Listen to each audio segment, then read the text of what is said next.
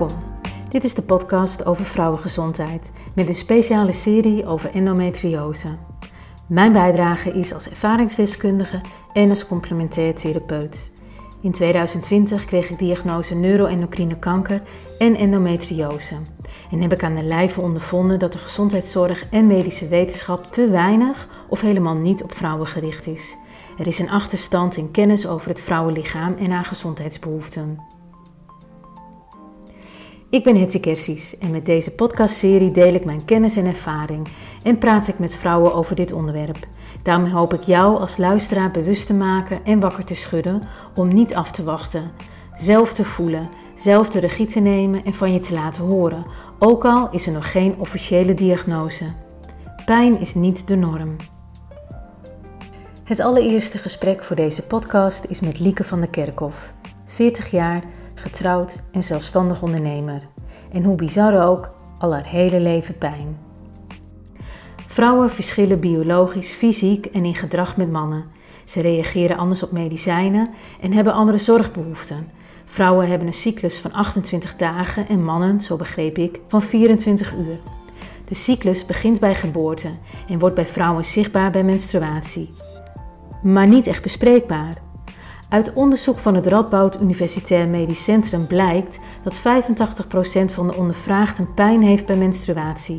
Daarnaast gaf ruim 70% van de vrouwen aan last te hebben van psychische klachten en vermoeidheid rondom de menstruatie. De vrouwelijke cyclus van 28 dagen kan dus een hele lijdensweg zijn in deze 24-uursmaatschappij. Ik vraag me dan af, hoe kan het dat we dat normaal zijn gaan vinden? Ik ga in gesprek met Lieke.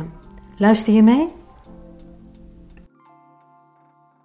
Goedemiddag Lieke. Hallo. Welkom, leuk dat je er bent. Dankjewel. Ja, we hebben uh, net uh, samen even geluncht, uh, want we kenden eigenlijk elkaar helemaal niet. Nee. We hebben elkaar via de telefoon gesproken, je hebt je opgegeven voor deze podcast. Ja. We gaan samen het gesprek aan over endometriose. Ja. Kun je aangeven waarom je je hebt opgegeven voor deze podcast? Het grappige was uh, dat ik uh, twee weken van tevoren zei van ik zal een keer een podcast willen doen. maar toen dacht ik wel meteen van oeh, spannend, heb ik nog nooit gedaan. Dus toen dacht ik, ja, ik weet niet of dat iets is. En um, maar toen stuurde ik jou een berichtje en toen had ik je aan de telefoon. Toen dacht ik meteen, yes, ja, dit Ja. is wat ik wil doen. Ja, Ehm, om eigenlijk ook een ander verhaal te kunnen vertellen over endometriose. ja. Is weinig bekend over ons vrouwenlijf. En dan ga je direct het medische circuit in. Dus pijnstilling, uh, hormoontherapie en uiteindelijk chirurgische behandeling. Um, maar jij wil ook een ander verhaal naar voren Ja. brengen. Heel de medische, wat je net allemaal opnoemt, heb ik allemaal gehad. Ja, Uh, dus ik weet ook hoe uh, die kant is. En ehm, ja, dat zou ik eigenlijk wel graag andere vrouwen willen laten zien. Dat je ook andere keuzes kan maken. ja, En, uh, en dat wil niet zeggen dat de medische wereld niet oké is. Hè? Die mag je ook altijd maken. ja. Maar dat er wel keus is. Ja. En ik had niet echt het idee in mijn periode dat er keus was. Nee. Eigenlijk vooral. Nee. Ja. En ja. Um, ja, wanneer begint jouw periode, zeg maar? Want Ja. um, het is een heel ander verhaal dan mijn eigen verhaal. Ja. Um, zou je daar eens iets over willen vertellen? Ja, ja, ik vond het heel bijzonder uh, te horen dat jij het dan relatief kort eigenlijk uh, weet. En uh, ja, bij mij is dat heel anders. Ja, ik weet het ook nu niet super lang, pas sinds 2016 dat ik endometriose heb. Um, ik heb al heel mijn leven eigenlijk lichamelijke klachten die daaraan gekoppeld zijn. En um, ja, uiteindelijk uh, ja, vaak naar de huisarts en weer naar huis gestuurd worden. En ja. uh, alle alternatieve therapieën gedaan, van fysiotherapie, osteopaat en alles. Om maar proberen de pijnklachten onder controle te krijgen. Um, en toen in een um, hormoonbehandeling eigenlijk van onze kinderwens... Uh, ja, toen was het eigenlijk zo onhoudbaar, de pijn, dat ik uh, eigenlijk acuut uh, naar de kliniek uh, ben gereden. Zaten we in een privékliniek in Elsendorp. En ben ik daarheen gereden en gezegd, ik wil dat er nu een echo gemaakt wordt. Want ik had zoveel pijn, dat echt, ja, was echt niet normaal. Ja. en dat terwijl ik ja, aan acht paracetamol per dag zat en twee ibuprofens. En nog was mijn pijn eigenlijk onhoudbaar. En daar vonden ze dat er uh, bloed in mijn buikholte zat. En toen ging er eigenlijk heel snel een balletje rollen. Ja. Hoe wist je trouwens van die kliniek? Uh, eh, die kliniek eh, waren wij eigenlijk in eh, beland omdat wij ehm, eigenlijk al best wel lang via de huisarts eigenlijk een kinderwens hadden en elke keer weer weggestuurd werden. Totdat we in 2013 in het Elkerliek kwamen en toen zeiden ze, ja, er is maar één optie en dat is een ICSI-behandeling. Ehm, en dat betekent dat je met hormonen en van alles aan de gang gaat. En dat wil ik absoluut niet. En een andere mogelijkheid was er gewoon niet. En ze wilden ook niet proberen. En, uh, ja, en daar wilde ik niet in mee. En toen ben ik in Elsendorp terechtgekomen, is een privékliniek. Die dus wel met uh, uh, inseminatie eigenlijk wilde gaan werken om te kijken van, ja, of dat ook toch een optie was. Ondanks hè, dat de kansen heel klein eh, waren. En ehm, ja, daar begin je dan mee zonder hormonen. En uh, ja, voordat je er erg in hebt, ga je ook met hormonen eigenlijk werken. En toen werden ook eigenlijk acute klachten eigenlijk steeds erger. Totdat ik eigenlijk uh, ja, na anderhalf jaar het onhoudbaar vond. Ja. En, en, toen hebben ze vanuit die kliniek mij ja, direct terug naar het ziekenhuis gestuurd voor een kijkoperatie. Ja. Ja. ja. En, en um, wat vonden ze toen met die kijkoperatie? Dat... Ehm, toen ze, ja, ze konden het eigenlijk niet heel goed zien, want het was een kijkoperatie van de buikholte. Omdat eigenlijk alles vast zat aan elkaar hebben ze eigenlijk niet heel goed kunnen beoordelen. Um, omdat ze gewoon, ja, eigenlijk niks. Normaal kun je in een buikholte alle organen zien liggen. Ja, Maar omdat bij mij alles aan elkaar vast zat, konden ze er eigenlijk niet eens door, doorheen komen. Dus konden ze eigenlijk niet goed beoordelen wat er was, maar wel dat het veel was wat er zat. En hebben ze ook een MRI-scan gemaakt. En met de mededeling van zorg maar dat je zo snel mogelijk kinderen krijgt. Um, en dan kun je later nog ooit gaan opereren. Dus toen uh, ben ik in uh, eh, 2016 zijn we naar het Catharina ziekenhuis in Eindhoven gegaan. En uh, daar hebben wij dus een ICSI-behandeling gedaan. Wat ze eigenlijk op, voorhand zeiden, dat willen we niet. Nee. hebben dat eigenlijk twee keer kort achter elkaar gedaan. Met eigenlijk een hele ja, slechte uitslag dat het dus helemaal niet gelukt was. Geen zwangerschap, ook geen embryo's in de diepvries. Dus dat was echt heel teleurstellend. En toen ben ik in 2017 uh, eh, in hetzelfde ziekenhuis zeiden ze, oh ja, nu mag je naar de endometriose specialist gaan. En uh, die bekeek mijn MRI van 2016 en uh, ja, die zei me letterlijk, ik snap dat jij pijn hebt. Ja. En toen dacht ik, ja, hoezo snap je dat eigenlijk? En ja, hij zei dat hij vrouwen met wat ik had in mijn buik, uh, ja, dat die in een kliniek opgenomen lagen. En dat die dan vaak uh, ja, dachten dat het eigenlijk alleen maar tussen de oren zat, maar dat er gewoon fysiek heel veel aan de hand was. Ja. Ja, en dat was echt een klap even toen in mijn gezicht. Ja. Dat ik dan alweer zoveel jaren verder was, ja, dat ik ja, ermee rond was gelopen en hoe behandelingen had gedaan. ja. Eigenlijk vanaf kinds af aan, hè, vertelde je me ook. Ja. Hoe anders is mijn verhaal daarin? Ja. Hè, dat ik um, eigenlijk door mijn endometriose is mijn kanker zichtbaar geworden. Ja. En um, dat ik um, eigenlijk geen moment heb gedacht van... nou, ik ben patiënt met endometriose. Ik ben natuurlijk mijn hele eigen weg daarin gegaan. dus ik, en daarvoor, ik, ik heb eigenlijk gezegend ben ik geweest met een, een, uh, een cyclus die eigenlijk heel goed liep En um, ik kon wachten totdat ik ongesteld word. Ik kon mijn ijsprong kon ik voelen. Ja. En pijn uh, ken ik eigenlijk niet zo. Ja. Um, ja. wel de menstruatiepijn en krampen, mm -hmm. maar niet de pijn die ik had in mijn endometriose tijd. Okay. We hebben dat ook even besproken. Dat me dat zo verbaasde ook. Dat, je, dat, dat je zoveel jaren pijn hebt. En dat ik ook tegen je, heel eerlijk tegen je zei van... Nou, het frustreert me ook een beetje. Van, want waarom neem je niet de verantwoordelijkheid en doe je iets. En ik vond het zo mooi hoe je daarop antwoordde. Want je zei ook van ja, maar dat was mijn perspectief. Ja. Ik weet niet beter dan dat is. Ja. ja, ik ben wel heel lang boos geweest. Ja. Het raakt me nu nog als je dat zegt. Ja. Dat ik echt mezelf kwalijk nam. Dat hoe het kan dat ik eigenlijk heel mijn leven dat heb geaccepteerd. Ja. En um, ja, dat is ook echt uh, wat ik nu weet. Hè, dat ik ja. lief mag zijn, zacht mag zijn voor mezelf. Ja. Uh, want als, als je iemand iets aanleert, en dat hè, is meestal van kind af aan leer je van alles aan.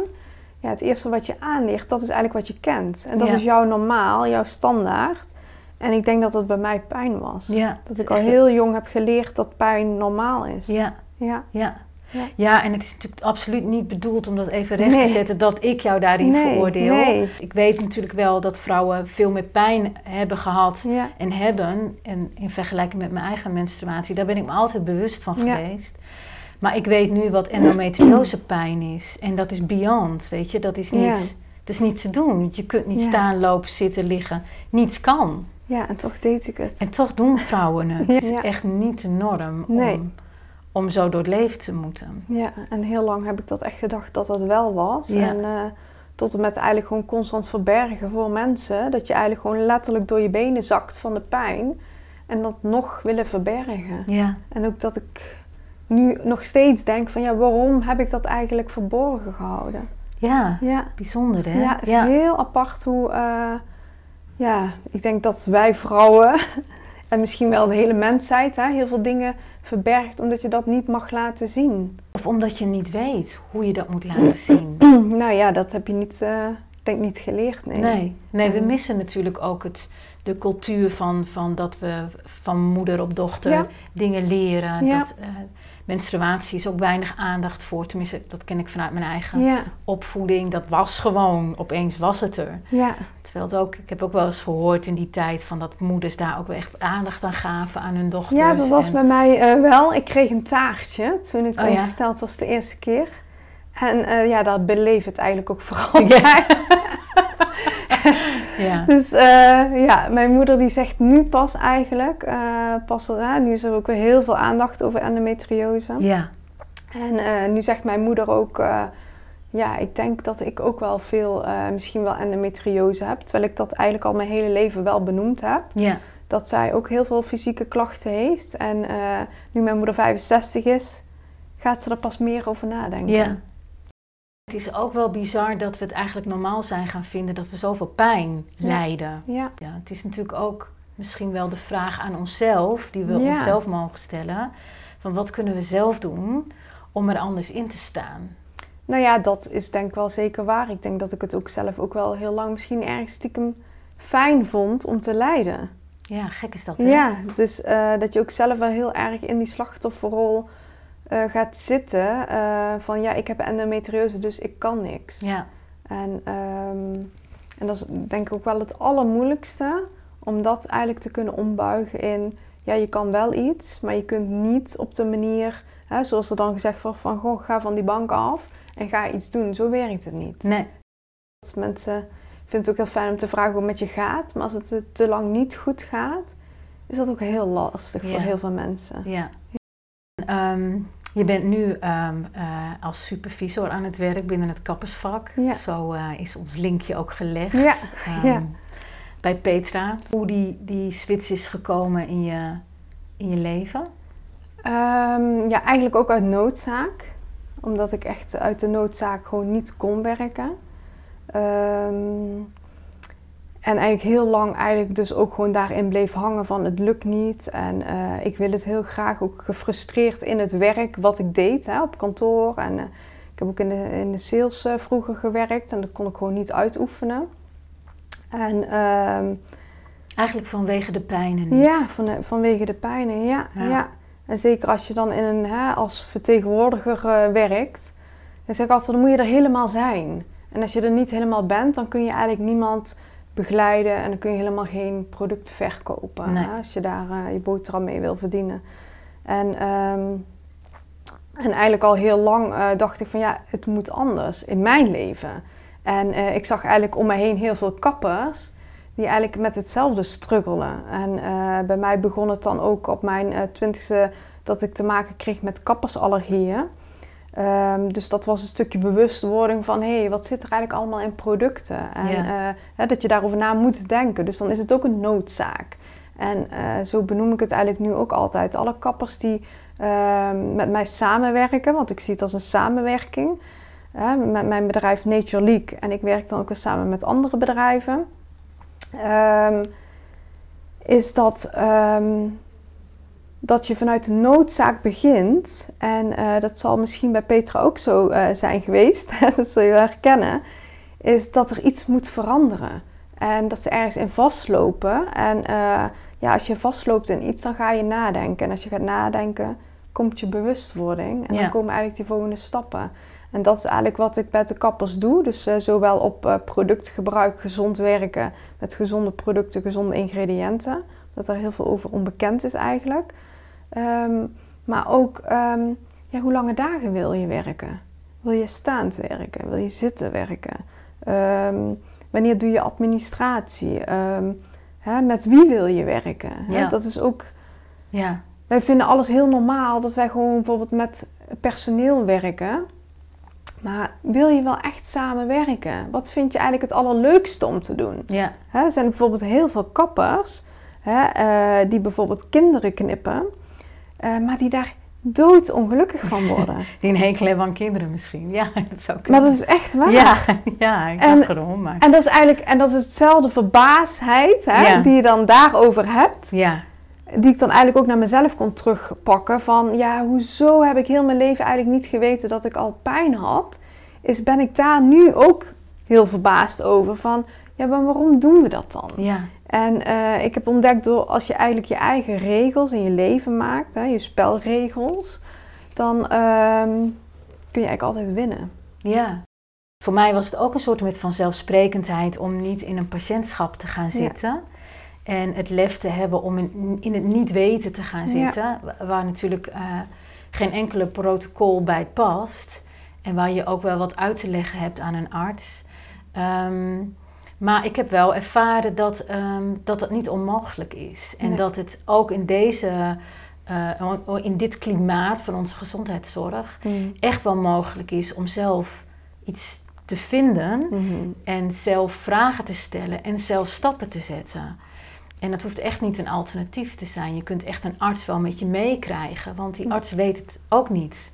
Nee, ja, dat vind ik echt heel mooi van jouw verhaal, dat je dat eh, mij vertelde. En ehm, ja, als je praat dan over eh, hè, kanker, als ik het gewoon zo mag zeggen. Ja, zeker. Ja. Eh, ja, dat dat... Ja, ik denk dat dat toch wel nummer één ziekte is wat wij... eh, waar je meteen van in de angst schiet. ja, En, en als je in de angst schiet dat je eigenlijk helemaal niet goede keuzes kunt maken. Dat is wat ik zelf ervaren heb in heel mijn traject. ja, Is dat je bang bent. Ik was bang om geen kinderen te kunnen krijgen. En, ehm, en daardoor ga je allemaal dingen doen ja. om dat dan toch maar voor elkaar te krijgen. Ja. Terwijl dat helemaal niet de juiste keuzes waren voor Dat het mij. grensoverschrijdend voor jezelf kan zijn. Ja. ja. Ja, Even een kleine disclaimer tussendoor, is dat we niet eh, anti-medische zorg Nee. zijn. Want ik Nee. denk dat het heel goed is dat we de medische zorg hebben die we hebben. Ja. nou ja, je benoemde op de terugweg eh, hier naartoe weer, eh, na de lunch, heel mooi van... Ja, jou- je hebt zoveel kracht in jouw baarmoeder zitten. ja. Ehm, ja, en ik denk dat, dat het dat is. Hè? Dat als jij wil kiezen voor een eh, medische behandeling, en eh, welke behandeling dat dat dan ook is, ja. maar als jij zelf in jouw kracht blijft, dan ehm, word je nog krachtiger. ja. En hoe meer je daarbij weggaat, word je zwakker. Dus dat heb ik zelf gewoon heel erg ervaren. Is dat mijn lichaam is niet gezond geworden doordat ik meer ben gaan sporten, eh, andere dingen ben gaan doen. Maar omdat ik die keuzes heb gemaakt Ja. vanuit mijn ja. lijf, wat Ja. mijn lijf nodig had. En op de een of andere gekke manier word je dan automatisch fitter. Hè, kun je makkelijker bijvoorbeeld afvallen als je dat zou willen. En wordt eigenlijk alles makkelijker. En ik geloof ook echt oprecht ehm, dat dat ook helpt bij een medische behandeling tegen kanker. Dat, dat je en het medicijn zou kunnen pakken als je dat zou willen. Maar dat jij wel zelf kiest, dat is wat ik wil. Ja, En niet vanuit de angst, omdat het anders geen keuze is. klopt. Ja. Ja, dat, is, dat maakt het complementair. En ik denk ook wel dat heel veel artsen daar ook wel aan toe zijn ergens. Maar Ja. dat ook wel heel moeilijk vinden om eh, ja, weer ja, ehm, buiten hun hokjes waar ze moeten in werken. Misschien zeg ik dat dan zo het ik weet het niet zo goed. Ook te zeggen van ja, ik weet het niet. Ja, Wat denk jij? ja. Ja. En vooral nu Ja. we het hebben oh, over het vrouwenlijf, de endometriose. Eh, het is niet alleen baarmoederweefsel Nee. waar we het over hebben. Ehm, en het, het weefsel wat ergens woekert is ook niet alleen in de buik. Nee. Het kan ook zelfs achter de longen. Het kan echt overal eigenlijk wel zitten. Ja. Eh, de relatie met de darmen is ook nog niet helemaal bekend. Nou, die was bij mij ook wel heel duidelijk. Bij mij ook, ja.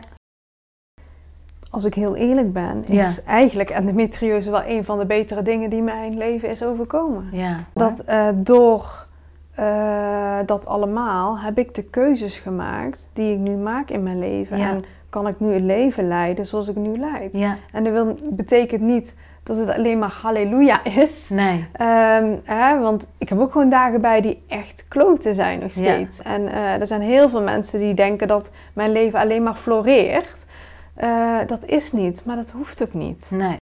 Hoe gaat het nu met je? Um, nu heel goed. uh, maar inderdaad, echt heel, je bent wel heel ver gekomen. Ja. Ik zeg al van, uh, ik heb echt dagen apathisch voor me uit zitten staren. Van zo slecht ben ik gekomen eigenlijk, dat ik echt niks kon. Fysiek niks. En um, ja, het gaat echt heel goed. Ik vind het soms nog doodeng. Ja. hoe goed dat het gaat. Um, ik gebruik geen medicijnen. Daar ben ik echt heel blij om. Ik heb echt een tijd gehad, had ik echt zo'n uh, pillendoosje als een Ah. oud omaatje. Zoveel medicijnen had ik. En door alle stress kon ik, dat is nog steeds wel, kan ik heel slecht dingen onthouden. Um, dus ik had zo'n pillendoosje. En dat ik nu geen medicijnen meer hoef, ja, daar ben ik echt heel blij om. Ja. Dat, en zo dat voelt ook helemaal oké. Okay. En Ja. um, het is nog steeds aanwezig. Ik heb elke dag pijn, altijd. En uh, dat uh, is altijd in mijn buikgebied en in mijn benen is dat aanwezig. Um, en ja, dat fluctueert eigenlijk. En ik merk wel dat het steeds meer momenten zijn dat het echt meer oké okay gaat. Uh, en is het dan omdat ik er beter mee om kan gaan? Dat ik me, waar het dat precies in zit, dat is altijd heel moeilijk te duiden. Want, Ja. Maar dat kan ook niet. Heel lang heb ik de stempel gehad Ja. Van burn-out en eh, psychische klachten. En die had ik allemaal wel. Ja. Maar ook vooral door de pijn en de endometriose die aanwezig was. Ja. ja. En dat heb ik me eigenlijk nooit beseft hoor. Uh, dat is echt pas sinds de laatste jaren, doordat ik zelf endometriose uh, heb gehad, is dat, um, dat het echt gewoon vanaf je geboorte aanwezig kan zijn. Ja. En dat je, um, zoals jij dat ook uitlegt, dat, dat, dat is dan je perspectief. Dus je weet niet beter Nee. dan dat je lijf zo reageert zoals het reageert.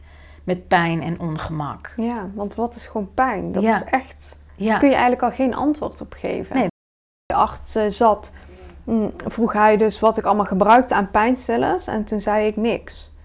En, uh, en alle psychologen die ik van tevoren had gezien, als ik zei dat ik niks gebruikte, geloofden ze me niet dat ik zo'n pijn had, omdat ik geen pijnstillers gebruikte. Oh ja, echt? Maar ik gebruikte geen pijnstillers, want niks werkte. Nee. Dus ik heb heel veel pijnstillers gebruikt en ik was er gewoon mee gestopt, want het werkte toch niet. Nee. Dus dan hoef je het ook niet te gebruiken. Nee.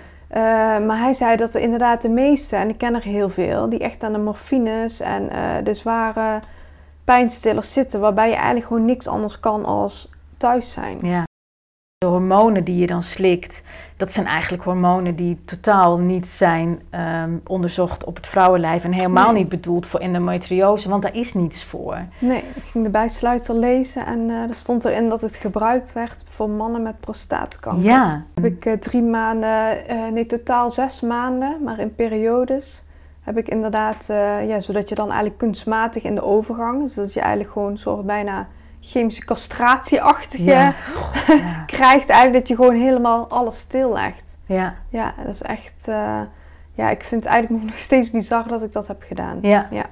Ja. ja, maar je zit daar dan zo in. Dat is wat ik ook van jou leer en van je hoor. Ook tijdens ons gesprek, tijdens de lunch. Van ja, het is. Je, je zit daarin. Ja. En um, dat was natuurlijk voor mij anders. Dus Ja. het, het overkwam mij en Ja. ik ben direct in de handeling gaan zitten. Ik ben Ja. direct in actie gekomen. Maar het is bij jou, wel is het er altijd geweest. En dat is totaal andere. Ja. Dus de, en dan kom je in een soort met van medische molen, zeg maar. En dan pak je ook wat je pakken kan.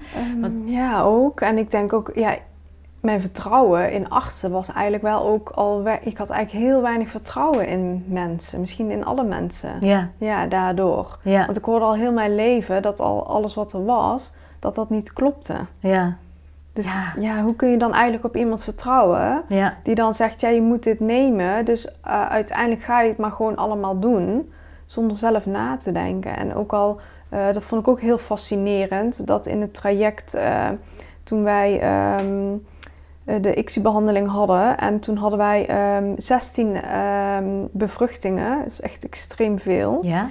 En eh, dus wij zaten helemaal vol goede hoop. Nou, hè, kunnen we, hebben we voldoende embryo's dadelijk in de diepvries. En toen eh, hadden wij nul embryo's die over waren. Dus ze waren allemaal op dag vier eh, al eh, overleden. En, ehm, en toen vroegen wij om hulp. Ja. Ja, er was geen hulp in het ziekenhuis. Ja, we konden wel via de huisarts naar een psycholoog. Of iemand anders waar we mee konden praten. Maar er was gewoon geen hulp. Nee. En ik dacht, nou ja, dan was ik al iemand die zelf om hulp vraagt. En ik denk dat dat ook echt heel typerend is voor vrouwen. Ja. Als we elkaar allemaal een hand geven, dan zijn we zo krachtig, zo sterk. En Ja. kunnen we zoveel voor elkaar krijgen. Ja. En hoeven wij niet zo hard te werken. Ja. Wij vrouwen denken altijd dat wij heel hard moeten werken om aan hetzelfde te voldoen als de mannen. Ja. Maar dat hoeft niet, want we hebben een andere kracht. Ja. Dus wij kunnen dat heel anders inzetten. En dan hoef je niet zo hard te werken. En kun je hetzelfde tot niet meer voor elkaar krijgen. Ja. Het heeft wel een bepaald bewust, bewustzijn nodig over mannelijke en vrouwelijke eigenschappen. En over waar je zelf goed in bent en niet goed in Ja. bent. Dus in die zin is het natuurlijk heel goed dat eh, endometriose zo'n hot topic is. Of tenminste aan het worden is. Dat, eh, alleen ik hoop dat het niet de, de medische kant alleen maar opgaat. Ja. Omdat ik denk namelijk dat er veel te halen is als we kijken naar onszelf, Ja. ons eigen lijf, Ja. de vitaliteit daarvan en hoe we het kunnen voeden ook. Hoe kunnen we het voeden? En dan heb ik het niet over leefstijl, maar echt over hoe we als vrouw zijn goed voor onszelf kunnen zorgen. Ziekte en gezondheid is dan natuurlijk ook iets waar ik mee werk. Mm. En de, en de kracht van het, van het zelfhelend vermogen van het lichaam. Als ook het toegeven van dat we ook mens zijn en ook overlijden. Weet je, Ja. het houdt ook een keer op. Ja. Of ziektes kunnen nu eenmaal chronisch zijn. Ja, dat is, er zit altijd iets onderliggends meer. Hè? Dus zijn ziektes ziektes en hè, is het soms nodig om daar medicijnen voor te gebruiken. Ja, Maar het is eigenlijk alleen maar een signaal ja, dat het je iets wil zeggen. ja. En ja, dan is het aan jou de vraag, wil je daar naar luisteren? Ja, en, en, en, en, eh, en ook of, neem je daar de tijd ook voor. Ja. Want het is natuurlijk Ja. de taal van het lichaam. Ja. Ja, ga dat maar eens vertalen. Dat is, vond ik ook lastig. Mm. Dat weet je niet zo. En dan nog, dan als je het gaat vertalen, dan nog komt de twijfel toe. En dat je denkt van ja, maar klopt dat dan wel? Hmm. En, nu, en hoe doe jij dat dan? Voor mij was het. ehm, ik, kon, ik voelde heel duidelijk dat ik uit het ziekenhuis moest. En ik kon dat ook direct tegen mijn chirurg zeggen. Zo van: Oké, ik merk dat ik als patiënt zijnde geen keuzes kan maken. Ik wil weer Hetty zijn. Ik, wil, Mhm. ik moet eerst Hetty zijn. Hmm. En hij snapte dat. Dus antwoord op je vraag is dat ik blijkbaar in zulke situaties terugga naar mezelf. Hmm. En ehm, hoe eng ik het ook vond, want ik heb andere keuzes gemaakt dan de meeste mensen doen. En, maar van tevoren weet je niet, of je, wat we het net over hadden, Ja. of je de goede keuze Ja. maakt.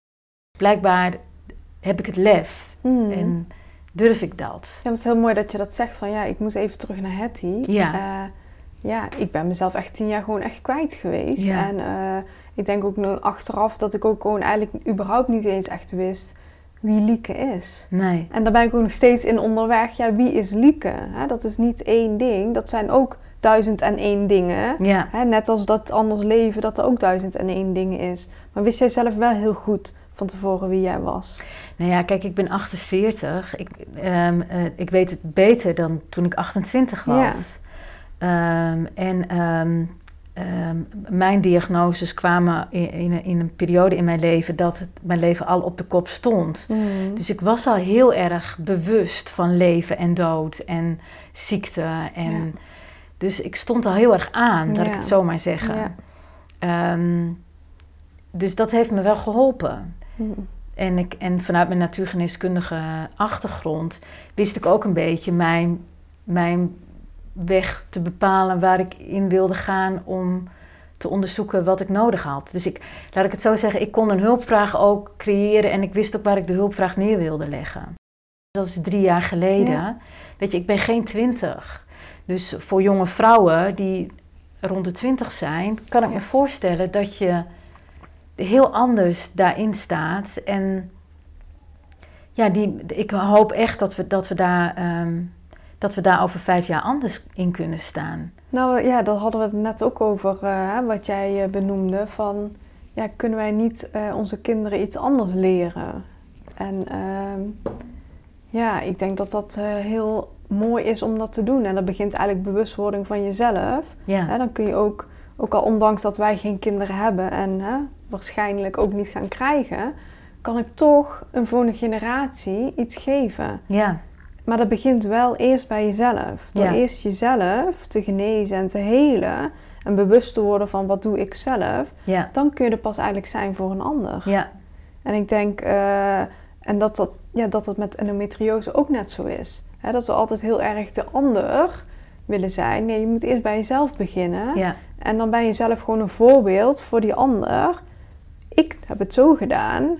Het wil niet zeggen dat jij het ook zo moet doen, maar dit is wel een manier. Ja, dat je het wel kan laten zien en ook ehm, dat, dat er dus verschillende perspectieven zijn. Want dat is ook wat wij ja. ook um, uh, uit kwamen, dat ons perspectief ook totaal anders was. Um, dus dat is ook, denk ik, ook mooi dat we dat ook andere mensen mee kunnen geven. Van oké, weet je, je kunt, het maakt niet uit wat je kiest, maar je kunt wel zelf kiezen. Ja. Ja. Eigenlijk dat. Ja. ja. ja. Nou, dat vind ik eigenlijk wel een heel mooi eind van dit gesprek. Ja. Dankjewel Lieke voor je openheid en uh, gezellig gesprek. Ja, jij bedankt. Heel ja. bijzonder. Leuk. Heel graag gedaan. Bedankt voor het luisteren. Wil je meer weten over het onderzoek over de invloed van menstruatie op het dagelijks leven? Zoals genoemd in deze aflevering, kijk voor de link in de show notes. Wil je op de hoogte gehouden worden van deze podcastserie? Schrijf je dan in voor mijn nieuwsbrief via hetzikersies.nl. Je kunt me ook volgen op Instagram, LinkedIn of Spotify.